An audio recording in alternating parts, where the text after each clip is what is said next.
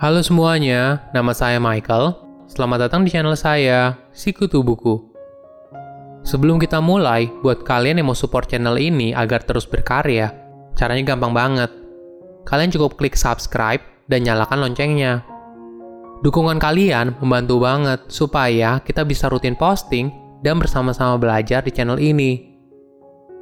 Kali ini saya tidak membahas buku, tapi membahas informasi yang cukup menarik yaitu soal sejarah demam tifoid atau kita kenal dengan penyakit tipes. Penyakit ini dikaitkan dengan seorang koki asal Irlandia di Amerika Serikat bernama Mary Malone. Saya rasa sejarah ini berkaitan dengan pandemi COVID-19 yang sedang kita alami sekarang. Apakah mungkin seorang yang sehat bisa menularkan penyakit kepada orang lain? Jawabannya tentu saja bisa, apabila kamu ternyata carrier dari penyakit tersebut. Di kisah Mary, kita akan melihat berbagai skandal dan banyak kematian yang disebabkan oleh sikap bodoh amat dari Mary. Semua dimulai dari kota kecil bernama Oyster Bay di pantai utara Long Island yang berada dekat dengan kota New York. Pada awal tahun 1900-an, Oyster Bay adalah tempat liburan populer bagi orang kaya New York. Tempat ini terkenal karena Presiden Theodore Roosevelt memiliki rumah di daerah itu. Setiap musim panas, para keluarga kaya datang berkumpul ke Oyster Bay untuk menikmati liburan di pantainya yang indah. Kemudian, salah satu keluarga kaya bernama Charles Elliot Warren menghabiskan liburan musim panas di sana bersama istri dan keempat anaknya. Tentunya, seperti kebanyakan orang kaya, mereka senang mengadakan pesta dan membutuhkan koki yang hebat agen penyalur di New York kemudian memanggil Mary untuk bekerja di sana.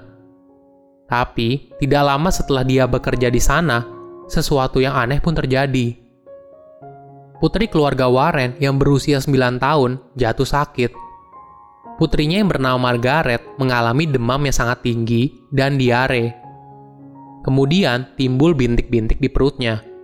Akhirnya, mereka menyadari putrinya mengalami demam tifoid sebagai informasi, demam tifoid adalah infeksi bakteri yang gejalanya seperti flu ringan hingga sakit perut, ruam kulit, dan bahkan pendarahan internal. Meskipun demam tifoid cukup umum pada awal tahun 1900-an, hanya sedikit orang yang tahu apa penyebabnya dan belum ditemukan obatnya. Oleh karena itu, hampir 10% orang yang terinfeksi demam tifoid kemudian meninggal dunia. Bukan hanya Margaret, 6 dari 11 orang di rumah itu jatuh sakit, kecuali Mary. Tidak lama kemudian, Mary pergi ke New York untuk mulai bekerja di keluarga yang berbeda. Untungnya, tidak ada satupun dari keluarga Warren dan pembantunya yang meninggal. Namun, menjadi masalah baru bagi si pemilik rumah yang disewa oleh keluarga Warren, yaitu keluarga Thompson. Mereka khawatir tidak ada orang yang mau menyewa rumah mereka lagi jika sudah terinfeksi. Apabila keluarga Thompson tidak tahu apa penyebabnya, kemungkinan besar rumah itu harus dibakar. Pada masa itu, demam tifoid biasanya menyebar melalui air yang terkontaminasi. Penyakit ini umumnya dikaitkan dengan kondisi lingkungan yang tidak bersih. Jadi, tentu saja ini cukup mengganggu Apalagi, penyakit ini ada di lingkungan orang kaya seperti Oyster Bay. Keluarga Thompson kemudian menyewa seorang pria bernama George Hopper untuk membantu mereka mencari tahu dari mana sebenarnya penyakit demam tifoid ini berasal. George bukan dokter medis dan dia merupakan teknisi sanitasi. Tapi dia punya mimpi besar untuk menjadi pejuang untuk melawan epidemi. George kemudian mengecek rumah keluarga Thompson, namun tidak menemukan bukti apa pun. Jadi, rumah itu bukan penyebabnya. Tapi setelah ditelusuri, dia mengetahui kalau ada koki baru yang sempat bekerja di sana. Dan George pun bertanya, apa yang Mary buat? Salah satu makanan yang dibuat dan dinikmati semua orang, termasuk para pelayannya, adalah es krim buatan sendiri dengan buah persik yang segar. Dia lalu menyadari bahwa bakteri penyebab penyakit ini bisa saja masuk ke dalam makanan Mary. Investigasi pun dimulai. George mengunjungi rumah lain tempat Mary bekerja dan mewawancarai orang-orang. Sayangnya tidak ada informasi yang berguna. Tapi akhirnya, George tahu bahwa ada 22 korban dengan penyakit yang sama. Dia pun berkeyakinan kalau Mary adalah carrier penyakit ini yang sehat dan tanpa gejala. Pada masa itu, orang tanpa gejala dan juga carrier penyakit merupakan hal yang baru di Amerika Serikat, dan George ingin membuktikannya. Dia berhipotesa Mary mungkin tidak cukup bersih dalam mencuci tangannya, dan tanpa disadari menyebarkan kuman ini. Akhirnya, George melacak Mary ke tempat kerja terbarunya, sebuah keluarga di Park Avenue yang anak perempuan satu-satunya sedang dalam kondisi sekarat karena demam tifoid. Lalu dia berusaha menjelaskan kepada Mary kalau dia adalah penyebar penyakit ini. Tentu saja Mary langsung marah karena tempat kerjanya bersih dan dia tidak sakit. Ketika George berusaha meminta sampel dari darah, urin, dan feses Mary, dia lalu mengancam akan menusuk George dengan garpu. Lucunya, George selalu kabur ketika diancam. Hal ini tidak mengecilkan semangat George. Tidak kehabisan akal, sekarang dia meminta bantuan dari Departemen Kesehatan Kota New York dan akhirnya berhasil.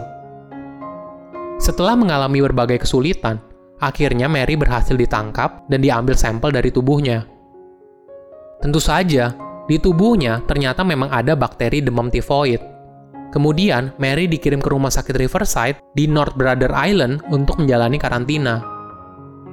Dokter mulai mengubah pemeriksaan rutin menjadi eksperimen pada dirinya, mencoba berbagai terapi obat baru, dan berharap menemukan obat dari penyakit ini. Tiga tahun kemudian, akhirnya Mary dibebaskan, tapi dengan syarat, tidak boleh lagi menjadi koki untuk mencegah penularan penyakit. Mary harus rutin melapor ke Dinas Kesehatan New York setiap bulan hingga suatu hari Mary menghilang. Kemudian, pada tahun 1914, di rumah sakit wanita Sloan, epidemi penyakit demam tifoid kembali merebak. Ada 25 kasus dan dua orang meninggal dunia. George merasa ini pasti ulah Mary. Tapi ketika ditelusuri, bukan Mary Malone, tapi seorang juru masak bernama Mary Brown. Ternyata ini adalah nama samaran dari Mary Malone. Ini merupakan pelanggaran yang serius. Mary telah melanggar perjanjian yang telah dibuat sebelumnya. Akhirnya, Mary ditangkap dan dikirim lagi ke rumah sakit Riverside. Di sana, Mary hidup dalam pengasingan selama 26 tahun dan meninggal karena pneumonia pada tahun 1938 pada usia 69 tahun. Begitulah kisah tragis dari pasien orang tanpa gejala pertama yang merupakan carrier penyakit demam tifoid di Amerika Serikat. Silahkan komen di kolom komentar pelajaran apa yang kalian dapat ketika tahu informasi ini. Selain itu, komen juga mau tahu informasi apa lagi yang saya review di video berikutnya. Saya undur diri, jangan lupa subscribe channel YouTube Sikutu Buku. Bye bye.